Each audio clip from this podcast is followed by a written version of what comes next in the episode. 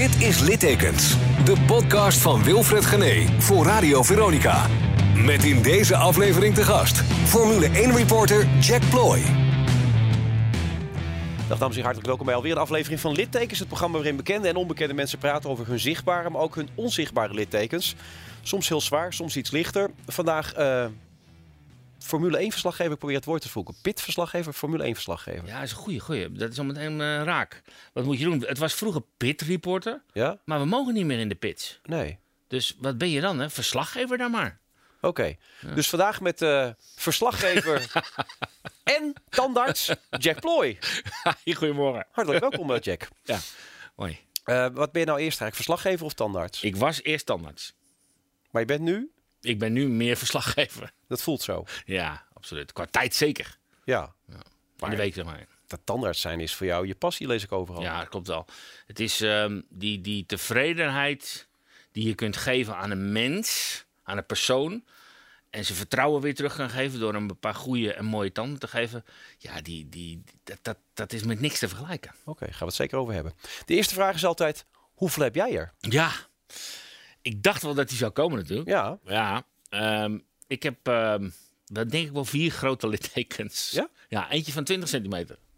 kunnen we die toevallig zien? Of is die Nou, hij een zit plaats, verstopt eh, onder mijn broek. op een plaats waar de mensen Aan de weten- binnenkant van mijn linkerknie. binnenkant van je linkerknie? Hier zit hij. Ja, 20 centimeter. En dat was op een eh, hele jonge leeftijd. Ik was eh 18 jaar en ik was op weg om skileraar te worden. En dat, was, eh, dat leek me helemaal geweldig.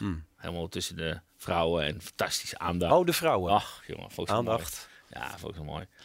En, eh, maar je moet, als je professioneel skileraar wil worden, moet je een aantal eh, fases doorlopen. En de laatste fase moet je alles doen. Moesten we ook helikopterskiën. Dus moet je met de helikopter naar boven, word je zo'n berg afgelazerd en naar beneden. Maar ik was natuurlijk ongetraind.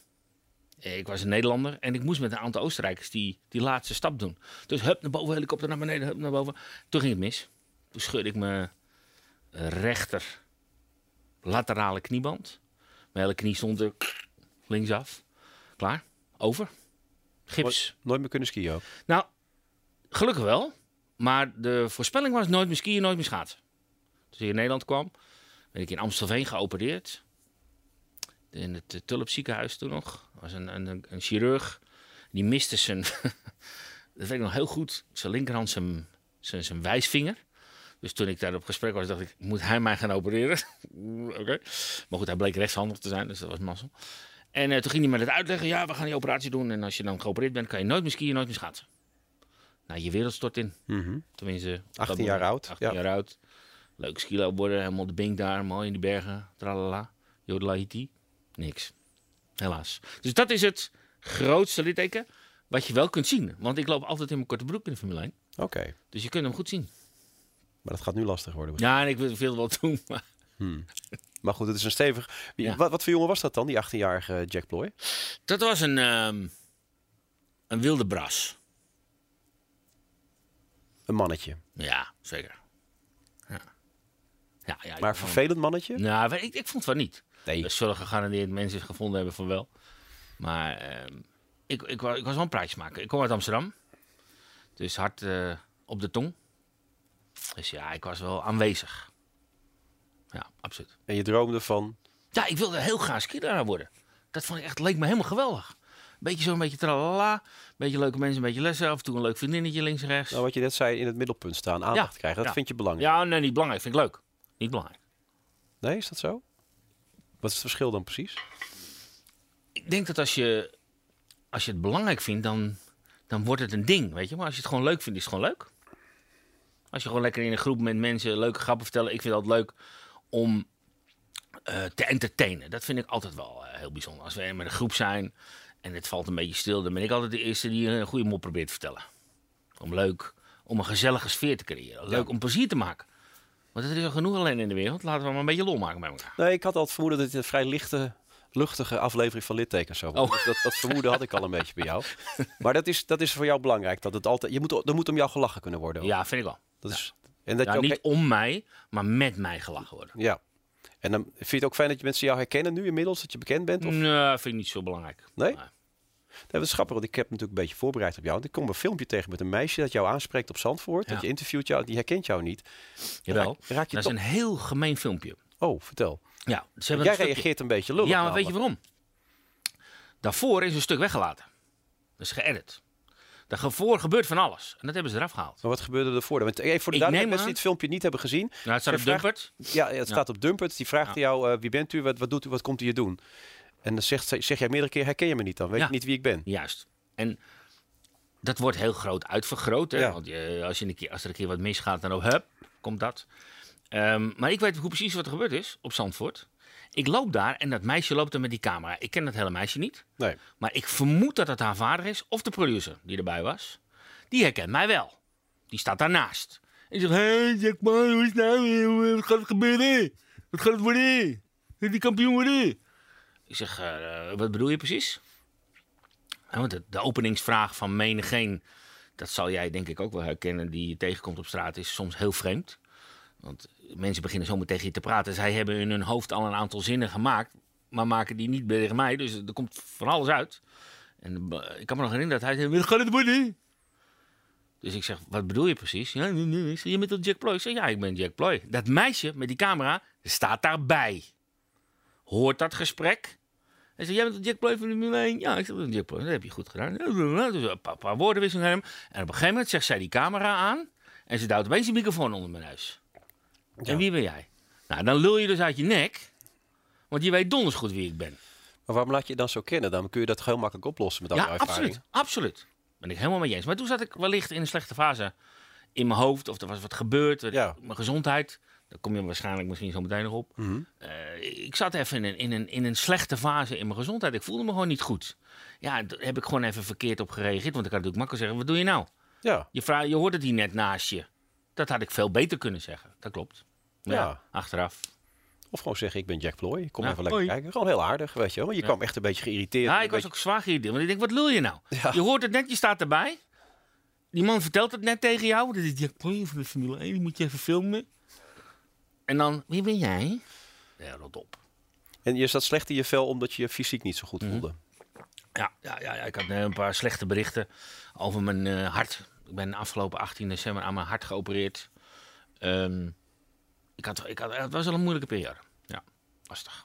Want hoe gaat het nu met je? Ja, super. Top. Ja, heerlijk. Oh, ik ben fijn. En dat is dan meteen antwoord op je tweede vraag. Waar zit je tweede litteken? Die zit hier. 11 centimeter. En die kunnen we dus ook niet zien. Wel grappig dat je, je gaat onmiddellijk weer in die modus zitten. Van, eh, het was heel even was het bij jou was het, ja, was heftig. En meteen ga je weer in die hoge emotie zitten. Waarom doe je dat? Hoge emotie? Ja, zo van eh, laten we het positief houden, dat gevoel. Nee.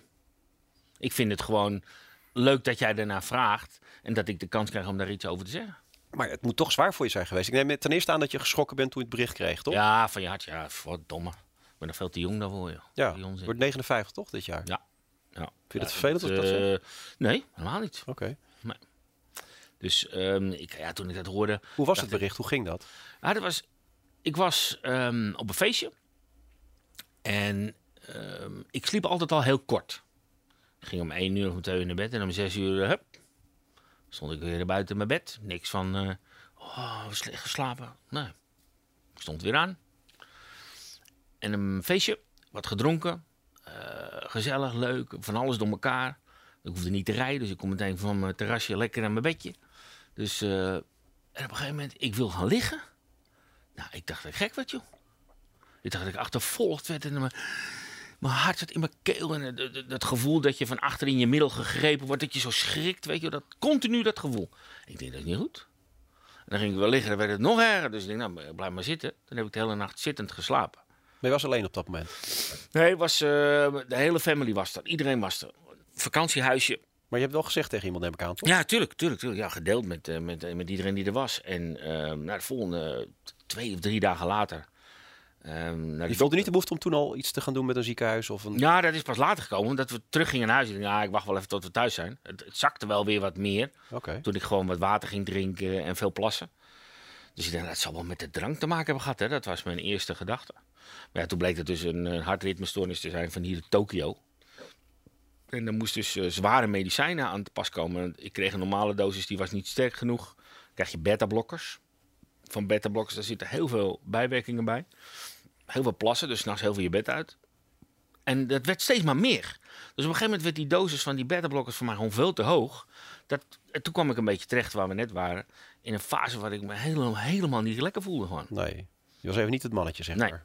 Maar niet de man van de ski. eh, Nee. nee. die was ik zeker niet. Maar toen raakte je wel een beetje paniek, neem ik aan. Ja. toch? Ik kan me voorstellen dat je denkt, wat je zegt, Ja. ik ben veel te jong. Ik vind, staat midden in het leven. Ja, dat was echt een drama. die Maar ben je dan een piekeraar op zo'n moment? Of, of Nee. je dan ook niet? Zelfs dan ben je nog positief. Nee, ben ik eigenwijs. Ben ik eigenwijs, ja. Ik denk, nou, dat gaat wel over. En toen ehm, het ziekenhuis. Toen was mijn hartritme stoornis op dat moment wel heel... Ik heb het, je hartslag is normaal 65. Mhm. Mijn inspanning 70, 80. En op een gegeven moment was die 110 continu. Toen zei die arts ook, joh, jij rust helemaal niet uit s'nachts. Want jij blijft gewoon aanstaan. Dus ja, daar moeten we echt wat aan doen. Ja, wat gaan we eraan doen dan? Ik zei, nou, ik wil best wel geopereerd worden. Nou, zegt die arts in Haarlem in het Spaarnziekenhuis, ja, dan gaan we je in zo'n eh, in zo'n buis leggen en dan spuiten we dat spul in. En dan komt die stoornis die komt naar voren en dan brand ik het wel in je hart weg. Ik zeg zo, dat klinkt eh, makkelijk. Ik zeg, ben ik dan weg? Ben ik dan onder narcose of ben ik erbij? Nee, daar ben je bij. Ik zeg, oh nee. Want dat is zo'n rot gevoel. Ja? Als je hart tekeer gaat, ja, dat is echt niet fijn. Ik zeg, dat wil ik niet. Ja, hij zegt, dan, nou, dan moeten we maar met die medicijnen doen. Oké, nou, dan moeten we dat met, met die medicijnen doen. Op een gegeven moment ontmoet ik Bart Chabot, vorig jaar. En die zegt, nou, ik heb precies hetzelfde. Hij zegt, maar ik ben geopereerd onder narcose. Ik zeg, bij welke dokter? Dus ik heb direct naast ook mij zijn arts gemaakt. Nou ja, van het een komt het ander. En afgelopen 18 december ben ik geopereerd. Maar dat was best een heftig ingreep, begrijp ik. Ja, ik keek er erg tegenop. Omdat je, je leest veel natuurlijk. Je, je hoort dingen. Maar die arts heeft mij enorm gerustgesteld. Ontzettend aardige vent. En eh, ik werd op woensdag opgenomen. Ik moest mij om eh tien uur in het ziekenhuis melden. Ik moest vanaf twaalf uur s'nachts nuchter zijn. En tien uur in het ziekenhuis. En ik zou om een uur of twee geholpen worden. Nou, dat klopt ook inderdaad. Dus ik word om twee uur naar die OK toe gebracht. En dan is, als mensen je herkennen, wel weer grappig. Want dan eh, rij je in je bedje door een ziekenhuis. Wat ga je doen? Je gaat niet zo snel in zo'n bed, hè? Dus ja, iedereen heeft daar een grappig woordje over. Wat jij terecht zegt, dat vind ik dan wel weer fijn. Dan is het weer wat gezellig. Ja, maar je mag ook bestaan op zo'n moment, zeg Ja. je. Gezellig. En dat vind ik leuk. Ik hou van gezelligheid. Ik hou van dat de sfeer goed is. Ik hou niet zo van slechte sfeer. Dat heb je goed, eh, goed gezien. Dat vind ik niet zo fijn als er een crisis is. Dus, ehm nou, hup, operatie. En ik word geopereerd. Gaat prima. Hartstikke goed. De volgende dag om 12 uur mocht ik alweer naar huis. Onbegrijpelijk. Onbegrijpelijk. Die vent is met vier glasvezels in mijn lies, in mijn slagader, naar binnen gaan naar je hart. Eén haakje en een duwtje. Een cameraatje en een brandertje. En die staat met twee joysticks zo op mijn dikke buik. En dan stond hij zo tegen die schermen eh, met te duwen en te trekken. En, pff, Maar daar was je er niet bij, hè, voor de Ik was er niet bij. Nee, Maar bij die andere arts had ik er dus wel bij moeten zijn. ja. Maar nu lag ik lekker te slapen. En dat komt niet meer terug, dit ook. Het is klaar. Nou, dat is, een, dat is een dingetje. Ik ben nu natuurlijk nu mijn medicijnen aan het afbouwen. Ik had eerst eh 14 pillen per dag en nu nog maar drie. Ik wil helemaal naar nul. Maar dan kan het dus zijn dat het terugkomt. Dus ik zit eigenlijk af en toe stiekem een beetje zo over te wachten van... eh, nu komt het. Maar er Maar- gebeurt nog niks. Je zit te wachten, maar je bent geen piekeraar dan. Je, je zit er niet bij. Je bent, ligt er niet wakker van. Je maakt je geen zorgen. Je gaat wandelingen maken. Je denkt, Ja. wat mij overkomt. Nou, je wat heerlijk is? Ik heb gisteren toevallig... moest ik op de tweede verdieping zijn ergens. Ik denk, nou, ik ga nou eens een keer lopen. heb ik gewoon voor drie, vier jaar niet gedaan. Trappen lopen, dat was echt funest. Ik moest gewoon met de lift eh, een halve verdieping naar beneden of naar beneden, hoor. Maar je hebt al eens gezegd, ook wat ik daar in die, in die, in die, in die pitstraat, althans nu niet precies in de pitstraat, maar Lopen, geen probleem. nee? Nee. Oké, de stopsport heb je niet. al eens gezegd wat ik dat doe. ja, zo voelt het wel, ja. Ja. Ja. Maar dat, kon, dat, dat functioneren ging daar wel gewoon. Ja, dat ging eh, prima. Oké. Maar ik hoefde niet te rennen. Hebben ze nog wat laten horen uit de Formule 1 wereld toen je zo ik ziek heb was? het niet verteld. Ik vertel het nu aan jou. Oké. Ik heb niemand in het... eh, ook, maar- ook, maar- dit, want je ook kent niet in mijn boek, goed. ook niet nergens. Jij vraagt over een litteken. Dit is een litteken. Maar je vertelt hem luchtig, hè? Het is voor jou... Ja, omdat ik heel erg opgelucht ben. Dat het zo goed gegaan is. Ik ben ontzettend trots ook op die dok. Die heeft het echt fantastisch. En die kwam ook de volgende morgen, en daar hou ik van. kwam die binnenstormen met zijn jas aan en zijn sjaal om en zijn, en zijn koffertje. Hij komt gauw even vertellen hoe het gegaan is. Ik heb goed nieuws en ik heb slecht nieuws. Oh. Ik zei, nou, vertel eens maar het goede nieuws aan. Hij zei, nou, ik heb volgens mij ongelooflijk goed mijn best gedaan. Het is allemaal goed gelukt wat ik wilde doen. Maar het blijkt dus te zijn dat je hartspierwand is niet overal even dik. Dus hij, die vonkjes die hij geeft om dat weg te branden, moet hij een beetje schatten hoe dik de wand is om het qua voltage of ampère. Ja. Hij zegt, kan zijn dat ik het misschien ergens wat te weinig heb gedaan. Als het dan terugkomt, moeten we het nog een keertje doen. Ik zei, nou ja, ik, eh, ik heb helemaal nergens last van. Alleen mijn lies. Ik had heel veel last van mijn lies, want ze hebben dan... Die slagader moet dichtgedrukt worden. Dus dan mag je drie dagen niet trappen lopen, niet voetballen, niks. En dat eh, was even lastig. Maar joh, ik had van die operatie nergens last van. En dus ben ik heel trots op dat litteken, want het gaat ongelooflijk goed. Ik voel me prima. Ja. Speelt nog bij dat je zelf ook eigenlijk een soort medicus bent. Je bent natuurlijk cum laude afgestudeerd ooit, weet je Ja. wel. In, in, wel in, op- Ja, je doet twee jaar geneeskunde. ja. Dus je, de tandheelkunde is twee jaar gelijk met geneeskunde. Dus een paar basisdingen weet je, maar Ja. dat staat ook niet zoveel voor. Maar dat maak je niet extra bezorgd. nee, juist Je- niet, denk ik. Nee? Dat heeft je geholpen, zeg Ja, maar, die baas. omdat ik heel veel vertrouwen heb in, in een arts die mij veel uitlegt. En die ook eerlijk is. En die zegt van, dit is je risico. En dat is succes. Hij zei tegen mij vooraf, ik denk dat ik je 90% kans kan geven dat je van je medicijn afkomt. Nou, dat vind ik fantastisch. Want als hij 70 zegt, had ik het ook gedaan. Ja. Dat vind ik fijn als iemand eerlijk en open is en relaxed is. Dus als die dokter ook, die kwam ook lekker binnen, weet je, een, een bakkie. Ik, ik hou daarvan. Merk Ik hou van, weet je, relax. Zoals wij nu hier ook zitten, gewoon naar een bakje koffie en een dingetje. Ik hou niet van het opgefokte gedoe. Ik hou ook niet van mijn smoking aan met zes rijen bestek en diner en zo. Dat vind ik ook helemaal niks. Dat past ook helemaal niet bij mij. Stel dat dit was geweest, eh, Jack. Dat? Dat dit het was geweest. Dat hij had gezegd, het is einde oefening. Ja, Hoe was het voor jou geweest? ja kloten. Ja? Zwaar kloten, ja. Want je bent nog lang niet klaar. Nee. Nee.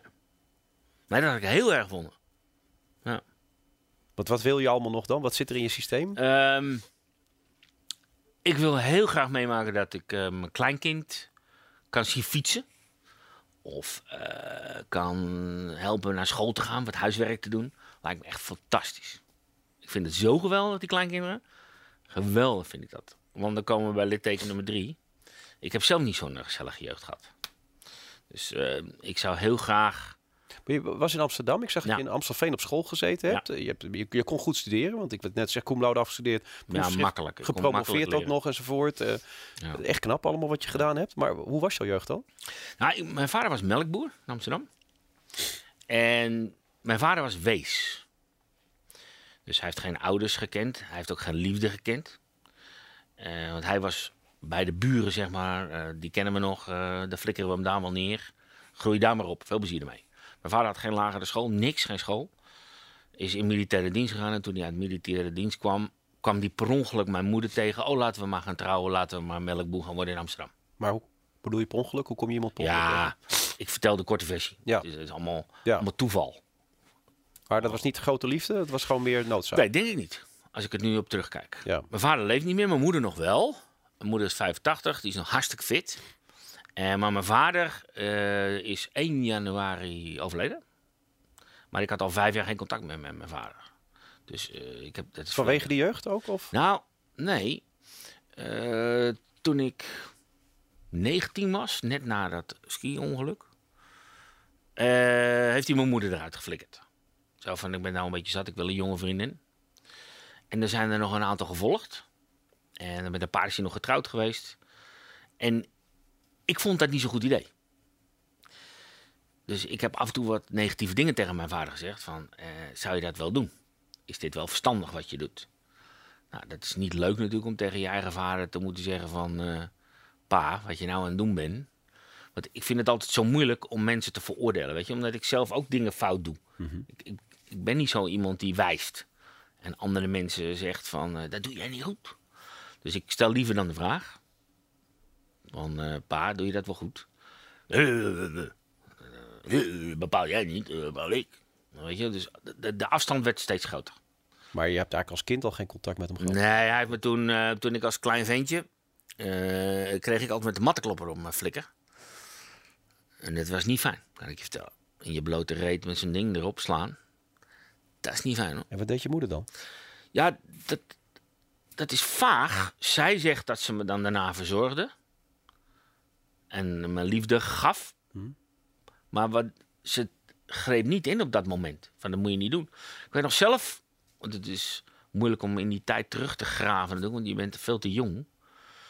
Veel dingen heb je van horen zeggen. Maar één ding weet ik nog wel. Ik was schotsie aan het springen. Met een paar vriendjes. Slootje bevroren en dan eh, over het ijs heen rennen. Schotsie springen. Komt toen nog, ja. ja. En ik flikker erin zeg. Onder het ijs. Ik dacht dat ik verzoop. Maar mijn vriendje die erbij was, die trekt me net op tijd uit het water. Ik dus helemaal onder de modder en stront. Huilen. Want ik was natuurlijk de pestpokken geschrokken. Ik naar huis. Nou, mijn vader maakte me af. Ik moest de kleren uit. Koude straal met water. Mattenklopper op mijn flikker en naar boven. En ik denk, nu ik zelf vader en, en opa ben, dat je dat niet moet doen. Nou, dat is een understatement, lijkt me toch? Ja. Ik denk dat je dat anders moet doen. Maar ik kan het mijn vader eigenlijk ook weer niet helemaal verwijten, want hij heeft geen ouders gehad. Hij weet niks. Hij heeft het alleen maar kunnen leren van andere mensen of kunnen doen. Maar hij was alleen maar bezig, heel druk bezig, om zijn business op te bouwen en mij en mijn moeder van brood te voorzien. Hij heeft nooit zich ergens in verdiept in. in hey, Je was ook enigskind. ja, ja, geen broertjes of zusjes. En ja, ik, ik, ik had daar zoveel moeite mee om hem dat te verwijten. Ook nog steeds niet, weet je. Wat, wat, wat moet ik die man nou verwijten? Hij weet helemaal niks, joh. Ja, maar hij is toch op een gegeven moment volwassen geworden, Jack? Op een Ja. gegeven moment heb je toch ook bepaalde verantwoordelijkheden als je Ja, volwassen bent. absoluut. Als je dan een nieuw Maar leven zo op aarde denk jij zet. erover. Ja. En zo denk ik erover. Maar hij niet. Want wij zijn gewoon uitgegumd. Met de hele familie. Weg. We bestaan niet meer. Toen jij 19 was, Ja. allemaal klaar, zeg Ja, maar. ja. Toen heb ik geprobeerd het contact in stand te houden. En toch maar weer en toch maar weer. En toen eh, twee jaar geleden, nou nee, dat is langer geleden. Langer geleden. Vijf jaar geleden, zes jaar geleden. Zit ik om mijn best te doen bij mijn vader. Zijn derde of vierde echtgenote die was gevlucht. Die, die wilde zo min mogelijk met mij contact. Als ik belde, dan was dat, jij wil je vader. Nooit van, hoe is het? Nee. Gaat goed? Heeft hij nog meer kinderen daarna gekregen? Of Nee, niet? nee. Oké. Nee. Maar de vrouw waar die mee getrouwd is nu wel. Dus ik heb wel een soort van Nou ja. half broers. Ik ken ze niet. Maar... En ehm, vijf jaar geleden, ik zit bij mijn vader in de tuin. Zoals wij nu een beetje zitten. Moeilijk gespreksvoeren, altijd. Want eh, ik wilde graag wel wat onderwerpen als vader even hè, sparren. Nee, nee, nee, allemaal niks. En hij zegt op een gegeven moment, ik heb even eh, mijn testament aangepast. Je gaat er helemaal uit met je familie. Alles gaat naar haar en de familie. Zo'n mededeling. Hmm. Out of the blue. Dus hij landt bij mij. Ik zeg, sorry? Ik ben niet zo goed in crisis talk. Dus ik zeg, hè, begrijp ik het nou goed? Ja. Dat begrijp je goed, ja. Ja, ja, ja. Het gaat allemaal naar haar. Als jij denkt dat jij mijn geld kan krijgen, forget it. Ik zeg, maar heb ik dat ooit laten voelen dan? Of heb je het idee? Ja. Nou, jij bent alleen maar uit op mijn geld. En zeker die kinderen van jou. Ik zeg, nou, ik weet niet waar je deze kennis vandaan haalt, maar die komt niet bij mij vandaan. Maar dit, waarschijnlijk is er vanaf de nieuwe familiekant eh, van alles geïndoctrineerd en gedaan. En eh, ja, zo geschieden. Wij wisten niet dat hij heel erg ziek was, maar op 1 januari is hij overleden. Ik was in Menton op weg naar Dakar voor de rally te doen. Dus ik kon niet terug. Ah, fout. Je had wel gekund, maar je deed het niet. En eh, mijn zoon is wel geweest met mijn echtgenoot. En Michael die is het hebben, ja, die hebben, ja, Michael die ook een litteken. Oh, we hebben er helemaal geen tijd ervoor. Ja, dat komt goed. En ehm, die zijn daar wel geweest. En die werden volledig genegeerd. Dus netjes de nieuwe familie gecondoleerd. Maar ze werden niet eens teruggecondoleerd. Op de rouwkaart staan wij niet vermeld. Wij zijn gewoon uitgegumd. Dat is ook wel een forse, fors litteken hoor. Je eigen vader. Jezus. En daarom ben ik nog niet klaar. Want je wil het nog Ja, goed dit ga ik toch veel beter doen. Je wil het herstellen, zeg maar. wat hij heeft aangedaan. Ja, precies. Dat ga ik veel beter doen. Verklaart het nou ook een beetje dat luchtige wat je steeds eh, je Ja, dat weet ik niet. verschijnen hebt? Dat Ja. je, dat Ik heb natuurlijk ook er- psychologie eh, gedaan en, en in mijn opleiding meegekregen. Ik denk natuurlijk zelf ook vanaf van hoe je eigen gedrag, eigen gedrag te verklaren is. Maar ik, ik denk dat ik wel gewoon ook zelf een positivo ben.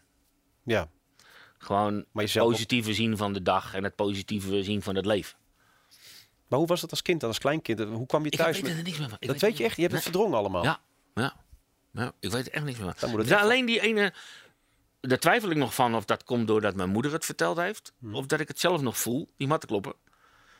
Maar de, Maar tot welke leeftijd heb je dan geen herinnering eigenlijk? Dat is, ik me ja, dat is gek, hè? Ik, ik, ik, ik, ik weet pas dat ik... zie- Ik had ziekte van vijver toen ik 13 was. En daar begint het een beetje. Maar daarvoor zijn al die vervelende dingen allemaal gebeurd. Dus eh, hoe het terugkomt in mijn geheugen... Ik, ik denk dat het vaak is gebeurd doordat eh, dat mensen mij het verteld hebben. Heb je niet het ge- gevoel dat er ooit een luikje open gaat dan? Zou kunnen, ja. Want als je het nu vertelt, hoe, hoe beleef je het dan? Ja, als, als eh, heel vervelend. Nou, denk ik van, joh, dat hoeft toch allemaal niet? We hadden toch gewoon leuk met elkaar kunnen leven? Lijkt bijna alsof je het een verhaal vertelt van iemand anders. Ja, hè? Ja. Alsof het niet jouw verhaal Ja, is. zo klinkt het ook, ja. Ja. Ben ik met je eens. Ja, ja maar ik, ik heb daar geen emotie Ik dacht ook nog wel, ik krijg nog wel een terugslag, hè, dat ik niet met mijn vaders eh, begrafenis ben geweest. Ik krijg daar nog wel last van een keertje, of er komt nog wel wat. Maar tot nu toe nog niet. Ben je ook niet boos? Ja, was ik al. Die fase ben ik alweer voorbij. Nee, maar je zegt net, eh, ja, ik mag hem ook niet te veel verwijten. Dat heb je al die tijd jezelf voorgehouden, klaarblijkelijk. Ja, precies. Maar, Maar- dat vind ik ook echt wel hoor. Want ah, die man wist niks, joh. Simpele man. En dan denk ik, ja. Wat, moet, wat, wat, wat, wat win ik er nu mee, Wilfred? Hm? Als ik hem nu wat verwijt nog. Je wint er niks mee, maar het is wel ook een, een soort gevoel wat je wel in je basis zou kunnen hebben. Wat je tenminste een keer moet toestaan dan. Dan moet Ja, maar ik, ik probeer, dat is mijn ding. Ik probeer het niet door te geven. Ik ga het zelf niet doen. Nee. Dus je hebt jezelf blijkbaar op jonge leeftijd voorgenomen om die andere kant op te zoeken. Het Ja. glas dat half vol is. Ja. En daarom moet het leuk zijn waar Ja, je ook bent. Exact. En waar iedereen het gezellig moet hebben. Absoluut. En dat is wat je eigenlijk bent geworden. Ja. Noodgedwongen. Ja, maar ik voel me er ook wel prettig bij. Ja? Het is niet dat ik een toneelstukje speel of zo. Ik vind, ik vind het plezierig om hier naartoe rijdend. Ik wist natuurlijk dat we het over de littekens gingen hebben. Mhm. Niet mijn sterkste kant, hè, om het over vervelende dingen te hebben. Maar ik denk, ach, ik vind jou wel oké. Een hoop mensen die hebben ook een mening over jou. Echt waar? Ja. en die dus tegen mij zeiden: Dat moet je niet doen. Je moet nooit tegenover die genegen zijn. Zie je wel? Jawel, waarom? Ik vind het wel prima. Kom maar. Kom maar. Kom maar op. Maar waar denk je dat het ook komt? Dat mensen Nee. dat denken? Weet ik veel, joh. Ik vind, ik vind, ik, daarom doe ik het juist wel, omdat andere mensen daar zo'n woordje over hebben. Ik denk, flikker nou toch op, ken je die gast dan? Weet je, ik heb, want, dat weet je, ik hoop niet dat jij dat ook gehad hebt, maar ik heb ook doodsverwensingen gehad natuurlijk, op Twitter. En eh doe me een knoop met een touw om je nek en een steen. Dan moet ik Ja, vreselijk maar in de, lachen. in de Waal of in de Maas Ja, of zo. ja. Dat soort dingen Ja. allemaal las ik ook, ja. precies. Daar moet ik vreselijk op lachen.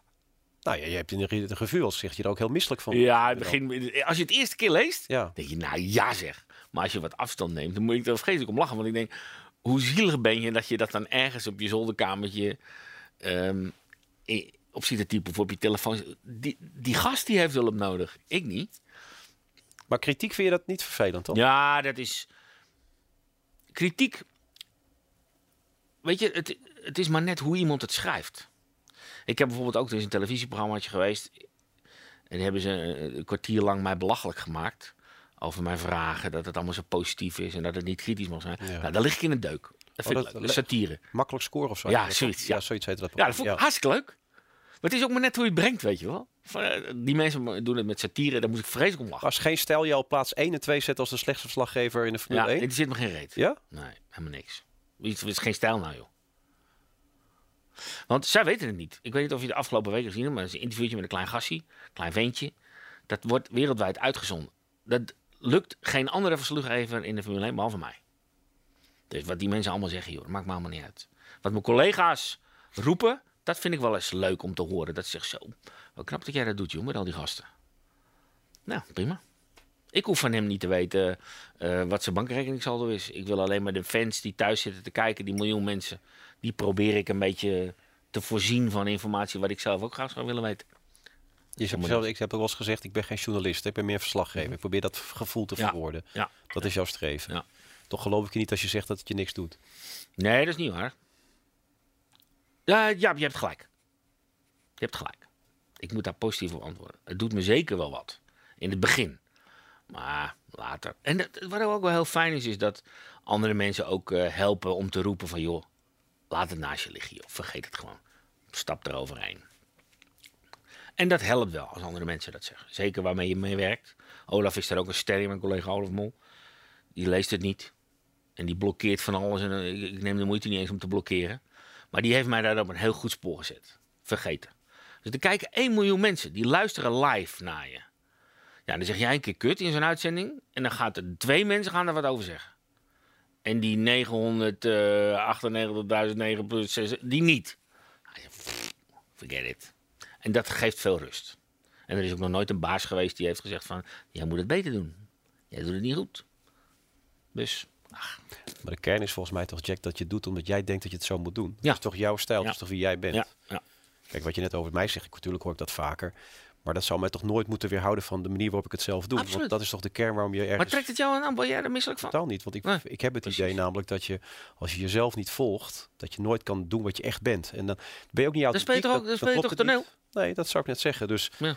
En ik heb, ik, je merkt aan jou natuurlijk dat je heel erg uit bent op de gezelligheid. Maar Ja. dat, dat werkt ook vaak bij die gasten. Want je hebt een goede band mee over het algemeen als ik Ja. naar die Formule 1 zit te Ja, kijken. absoluut. Dat, eh, Absoluut. En het is vaak zo, hè, die Engelstalige jongens, die, eh, die, die, die hebben dan al zeven of acht interviews gegeven aan Engelstalige televisiestations. En die hebben dus al verteld dat ze in de derde ronde eraf gingen. En dat het niet hun fout was geweest dat ze eraf gingen. En dan moet ik het voor de achtste keer gaan vragen? Als klein stationnetje uit Nederland, wat denk je dat ze gaan zeggen? Dat heb ik net verteld bij de buren. Hmm. Had je maar beter moeten luisteren. maar Dat, komt, dat krijg je dan maar komt het moment, want je zegt je hebt collega's om je heen die je daarbij helpen. Olaf helpt je erbij, zijn meer Ja, mensen die je helpen. Maar komt er een moment dat je het helemaal los kan laten? Of wordt het bij wie je bent als mens zijnde Ja. überhaupt dat het, Antwoord B. dat het altijd een beetje zal Ja. schuren? Dat is nou eenmaal zo. Ja. Ja. Ja. Ja, jouw grote held Michael heeft je, dat, dat, dat schijnt een bekende anekdote te zijn. Ik ken hem niet. eh, Een keer jouw eh, microfoon uit je hand geslagen, Ja. toch, Schumacher? Ja. Terwijl dat toch jouw held is, Ja, toch? absoluut. Daarom heet je zoon ook Michael. Ja. Ja. En waarom deed hij dat dan? Want dat heb ik nooit gelezen. dat was terecht. Nou, in theater vertellen we deze anekdote. Ja. En ehm, Olaf Mol in zijn commentaar vertelt vaak dingen die voor mij bedoeld zijn. Want ik luister de uitzending. Ik zie niet zoveel racebeelden. Want ik sta in, eh, in de paddock te wachten. Ik kan af en toe schermpje zo met één oog meekijken. En Olaf zegt in zijn commentaar, ik meen dat het een race in Brazilië was. Een regenrace, Michael Schumacher valt uit. En Olaf zegt in zijn commentaar, ah, daar zien we Schumacher lopen met zijn helm in zijn hand aan de trap. Aan de linkerkant van de paddock bij het buitenste deurtje, bij de rode containers, komt hij omhoog. Jij denkt thuis, what the fuck joh, kan mij dat dus schelen. Maar dat is informatie van mij. 13 cameraploegen rennen naar Ferrari, want daar komt Schumacher aan. Dan ben ik dus cameraploeg, verslaggever nummer 14. Denk je dat Schumacher uit die 14 mij kiest om iets te zeggen? Gaat niet gebeuren. Dus ik moet slim zijn. Ik moet anders doen dan die anderen. Dus ik ga luisteren naar zijn commentaar. Vloep het paddock uit. Loop de trap af naar beneden. En dan komt hij aan. In zijn eentje. Alleen. Met zijn helm in zijn hand. Helemaal de tyfus eroverheen. Ik zie het aan zijn kop. We kennen elkaar. Dus ik praat in het Duits. Even zonder microfoon. Ik zeg, David, hier was Frank. En hij zegt niks. Hij loopt gewoon door. Als je niks vraagt. Of nou, als je niks zegt. Ben je het los. Dus ik zeg tegen Olaf, kom maar. Ik sta bij Schumacher. Dus ik begin in het Engels, want dat is de afspraak dat we met elkaar Engels praten. Ik zeg, eh, I saw what happened. eh, can you explain a little bit more, Michael? En ik doe zo. En hij doet flang. Ja. Ja, hij slaat zo die microfoon in mijn hand. Ding op de grond. En hij loopt boos door. Dus ik pak de microfoon op. Ik zeg tegen Olaf live in de uitzending, want Olaf had mij al geschakeld. Ik zeg, nou was niet helemaal het goede moment. Komt een andere keer wel. Flung, weg. Fuck. Ik de pest erover in. Maar het krijgt nog een staartje. Want 's middags om vijf uur word ik opgezocht in de paddock door de manager van Michael Schumacher, Sabine Keen. En die vraagt of ik de volgende race op donderdagmiddag maar om vijf uur even wil melden bij het motorhome. Want de Michael was not amused. Hmm, shit. Dus volgende race, vijf uur, ik meld mij bij Ferrari, motorhome. Ach, ja. Neem plaats, even wachten. Laat die lul mij dus gewoon drie uur zitten, hè? Nee. Drie uur. Ik heb daar drie uur op die stoel gezeten. Nou, dat is niet zoiets leuk voor Jack. Drie uur zitten. Dat is niet zo goed. Dus ik kook. Komt hij die trap afgelopen. Hij ziet mij zitten. Hij loopt langs en zegt... Tjus, bis morgen. En hij loopt zo de deur uit. Weer leuk. Goed, hè? Ja, dat is humor. Ja, ik mag dat wel. Ik vond het humor. niet leuk. Nee. Maar het verhaal is nog niet klaar. Ik vind dat leuk. Denk, kut, heeft iemand toch mooi te pakken, die lul zeg. Klaar. Dus ik met een glimlach naar buiten en iedereen natuurlijk van de collega's. En, en, en, wat zei die? Was die boos? Dus nou, ik heb hem niet gesproken. Geen idee. Hij me lekker laten zitten daar. Volgende dag komt Schumacher aanlopen naar het journaille. Duitsers, Fransen, Engelsen, wij, nog een paar. En hij mag dan zelf een beetje kiezen waar hij gaat beginnen. Traditioneel altijd even eerst bij de Duitsers. En dan loopt hij zeg maar een beetje het rijtje af. En naarmate hij die goede zin heeft, doet hij daar wat langer over. En als hij slechte zin heeft, slaat hij gewoon een heleboel stations over en dan is hij gauw weg. Dus hij komt aanlopen en hij kijkt. Hij ziet mij staan. En hij verexcuseert zich tegenover de Duitsers. En hij zegt, today we start with Jack. Dus iedereen? Die weten dit verhaal niet. Dus hij komt met Sabine Keem voor mij staan. Hij zegt, ga je gang. Dus ik kijk hem zo aan. Hij is, hij is niet zo groot, dus ik, ik moet een beetje naar beneden kijken. En hij kijkt omhoog. Dus hij denkt van, nou, dan heb ik je toch even mooi verwend. Hè? Krijg je een exclusief interview met Michael Schumacher. En ik kijk zo naar beneden. En ik kijk naar mijn cameraman. Ik zeg, ik heb geen vraag voor jou. Woedend. hoor. Echt waar? Ja, woedend. Pissleek was hij. En hij draait zich om en hij loopt weg. En ik vond het geweldig. Ik stond helemaal te glimmen in mijn eentje. Ik denk, fuck you. Dan kan je wel wereldkampioen zijn, maar mij laat je niet drie uur zitten. Toedeledokie. Ik kreeg natuurlijk enorm op mijn flikker, want ik had geen interview. Nee. Want die gasten zien dat terug. Die beelden op de camera en die zien Schumacher wel staan. Waarom vraag je nou niks? Ik zei, nou fuck it. Doe het morgen wel. Maar het was ook meteen klaar. Hè? De volgende dag ging het meteen weer goed en was allemaal tralalala. Maar ja, zo... Ja, Ja, dat- maar dan heb jij dus ook een ego. ja, absoluut. Ik denk, ja, flikker op zeg. Jij maar lekker drie uur laten zitten. Toedeledokie. Aju. Nee, maar dat is toch wel grappig. Dan kom ik terug op dat filmpje met dat meisje. Ondanks het feit dat je wist dat het zo gelopen was. Er is, er zit wel een ego in bij jou. Dat, Ja, ik vond het toen dat hij... Ah, het gewoon best wel wat kunnen zeggen, weet je wel. Kom op, Ja. hoe moeilijk is het nou allemaal? Al zegt hij drie woorden. Ja, scheisse. Vind ik ook goed. ja. Weet je wel, prima. Maar goed, het is daarna weer goed gekomen. Het was jouw held. Jouw zoon heet daarom ook Michael. Is, eh, hoe weet je, weet je trouwens hoe het nu met hem gaat, met Schumacher? Of heb je ook geen flauw? Ja, ik, we weten wel wat dingetjes, maar we hebben een afspraak gemaakt met Sabine Keem, zijn manager. Die heeft toen met dikke tranen over de wang aan ons gevraagd of wij alsjeblieft alleen wat nieuws naar buiten willen brengen als het bij haar vandaan komt. En daar hebben we met z'n allen ja op gezegd. Dus daar hou ik me een beetje aan. Maar je weet meer. Ja, ik weet wel iets meer. Maar dan kun je helaas... Ja. Het publiek wil dat graag weten. Dat snap je wel. Ja, dat snap ik heel goed. Ja. Dat iedereen dat wil weten. Maar ik vind dat de taak van Sabine Keem. En ik heb ook Sabine, sprak ik een paar maanden geleden nog weer heel eventjes kort op een circuit. En dan vraag ik ook aan haar van, joh, zeg nou wat naar buiten. Dat zijn de fans van Michael. Die hebben allemaal een shirtje en een petje en een dingetje gekocht. En die hebben ervoor gezorgd dat hij heel veel centjes heeft kunnen verdienen met het racen. Je moet iets terug doen. Dat is mijn mening. Ja, zegt ze, dat doen we niet. Ja, nou meer kan ik niet doen. Oké, dan ga ik je er ook niet mee lastigvallen. Diezelfde Michael, althans jouw Michael, werd opeens heel ziek toen hij Ja. vier was. Ja, dat was een vreselijk moment. Poeh. Dan zag je het leven zo uit je vingers wegglippen. Hij eh, lag in het ziekenhuis en eh, werd maar zieker en zieker en zieker. Hij was even daarvoor geopereerd door een maat van mij. Die was chirurg, kende ik heel goed, ook een Amsterdammer. En daar gingen we eens een potje bier mee drinken en die moest hem opereren. Dat was ook echt een fantastische kerel. Tenminste, ik vind dat fantastisch soort mensen. Ik hou daarvan. Dat eh, Michael was ziek en eh, de artsen kwamen er niet uit. Opnemen in het ziekenhuis. Ruggenprik, kijken. Niemand kon wat vinden. Maar hij had zo'n pijn in zijn buik. Hij lag zo te huilen in zijn bedje. Dat, we- komen eh, bij die chirurg terecht, die maat van mij. Hij zegt, ik weet het niet, Jack. Ik twijfel. Ik weet het niet. Hier duwen, daar duwen. Ik weet het echt niet. En dat vind ik dus fantastisch. Dat een chirurg openlijk durft te zeggen, ik weet het niet. Dat vind ik geweldig. Net zoals die man die jou opereerde, de, de- percentages gaf. en Gewoon eerlijk zijn, Ja, Als je het niet weet, ga dan niet moeilijk lopen doen. Zeg gewoon, ik weet het niet. En ik ga even bellen met een collega, studiemaatje van mij in Leiden, kinderarts. Ik kom zo terug. Dus nou, ik ben Michael blijven zitten, bij zijn bedje, huilen, huilen, huilen. Pijn, pijn, pijn. Kom terug. Hij zegt, Jack, ik heb alle opties over me. Ik denk dat we hem toch moeten opereren. Ik weet niet wat we precies gaan doen nog. Dus ik pas me even mijn incisie, dus mijn litteken aan. Eh, dat we alle kanten op kunnen. Ik zeg, dat is mooi. Ik zeg, doen. Dus ik geef eh, Michael een dikke kus. Ik zeg, jongen, kom op. Ga met die banaan. Dus ik zeg, waar kan ik me even omkleden? Hij zegt, omkleden? Ik zeg, ja, ik, ga, eh, ik neem aan dat ik even mee kan. Hij zegt, jij gaat helemaal niet mee. Ik ga die gast opereren. Jij blijft lekker hier. Ik zeg, ja, maar we zijn maten van elkaar. Wat is dat nou? Hij zei, echt niet? Wegwezen. Ik ga hem opereren. Ik kom straks wel terug als het klaar is. Dan moest ik even van schrikken natuurlijk. Oeh, ik dacht dat ik wel mee kon.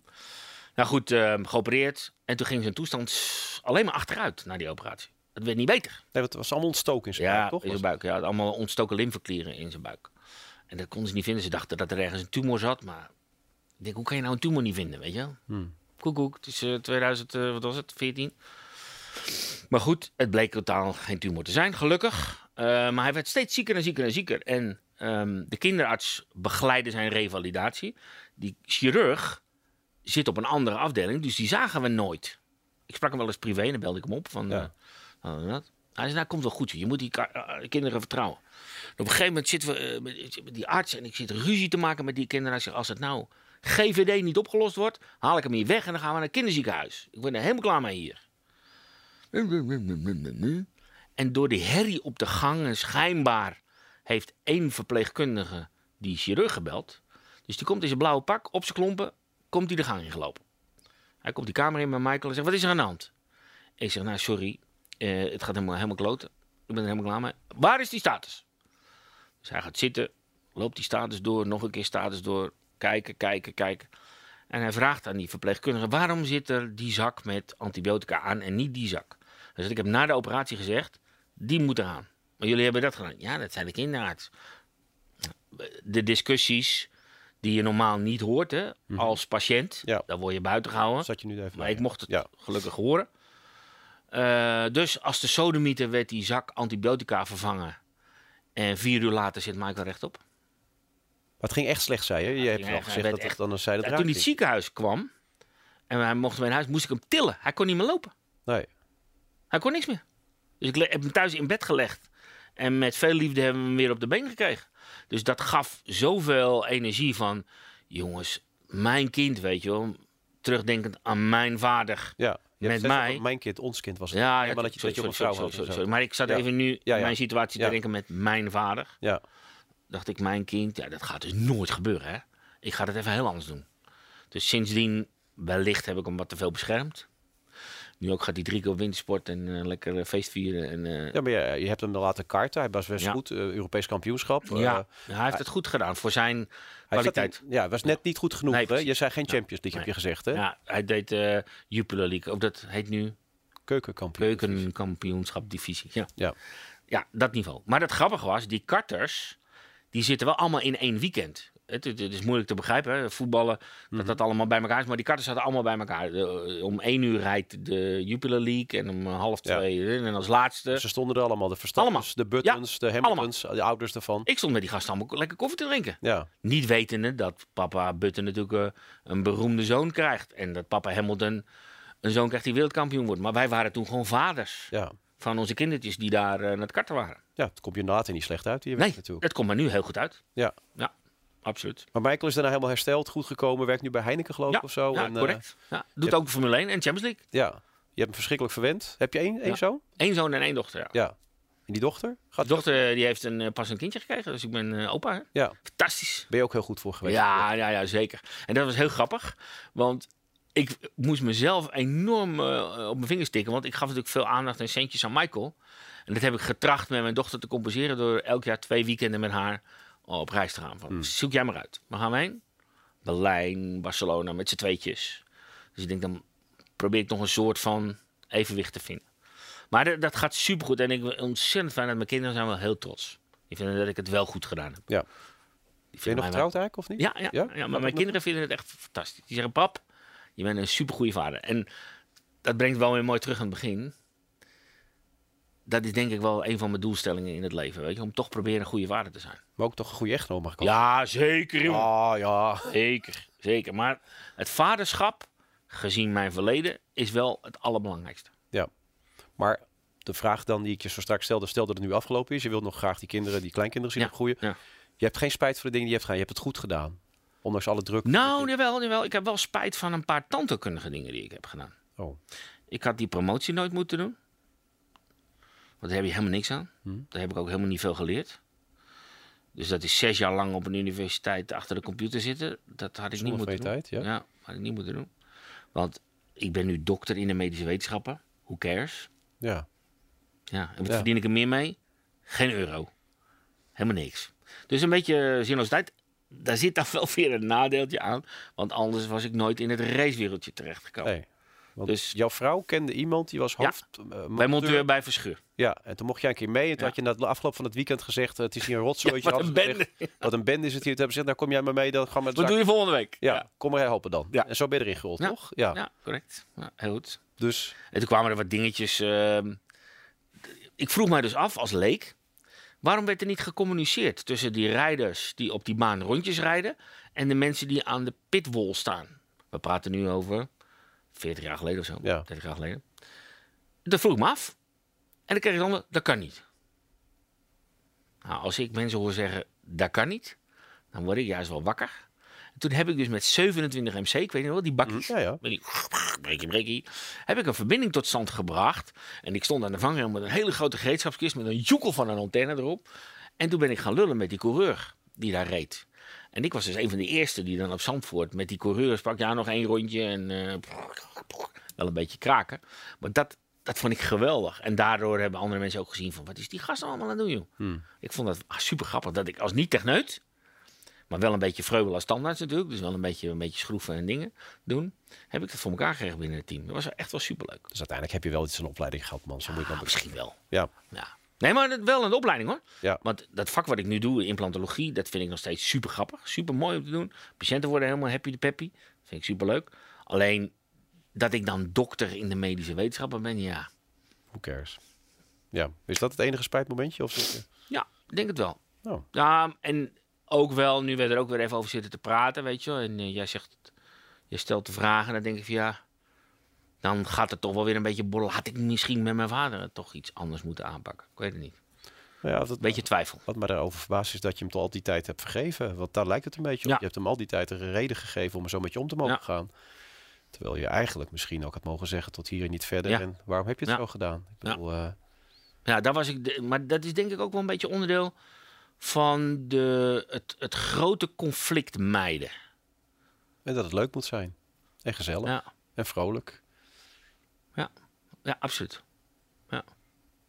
Vier littekens waren het in totaal. Hè? Ja. Dus je hart, je knie, je Je zoon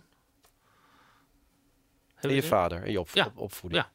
Ja, Die had je van tevoren in je hoofd zitten. ja, ja, toen ik hier naartoe ging, denk ik dat dat zijn denk ik wel de belangrijkste. Ik heb nog een paar kleine littekens op mijn bil, heb ik er nog eentje. Ben blijven hangen aan een spijker. Hm. Toen ik ruitjes erin gegooid, toen werd ik betrapt. Moest ik vluchten. Bleef ik hangen aan de spijker. Dat is voor zo'n littekentje hoor. Die bedacht ik ook nog op weg hier naartoe. Maar die vier grote zijn groot genoeg toch? Ja, ik denk het wel hoor. Als ik dat zo hoor. Ja. Hoe was het om erover te praten? Ik vond het superleuk. En die mensen hebben helemaal niet gelijk. joh. Je bent gewoon een aardige kerel, joh. het gaat niet over mij, het gaat over jou nu. Nee, dat is niet waar. Ja, Nee, dat is niet waar. Een dialoog gaat altijd tussen twee mensen. nee, dat is wel waar. Maar we gaan jou in het middelpunt zetten. Ja, nee, nee, super. Dat vind ik ontzettend leuk. Ik vond het ontzettend leuk dat je dat wilde doen. En ik, ehm, ik vond het ook eh, heel, heel goed. Dat je goed voorbereid hebt. Vind ik knap. Ik kan het niet allemaal uit mijn hoofd. Ik, ik heb echt wel wat notities nodig. Maar ik word een beetje ouder dan jij, hè? Ja, maar goed, jij komt er weer veel vriendelijker over dan ik. Nou, Dat is zo, zo Ga werkt het dat eruit. Nee, dat is niet waar. Dat- nee, dat ben ik niet met je eens. Oké, maar ik vond het leuk dat je er was. Oké, dank je. Dankjewel. Jij ook bedankt. Oké, top. Top man.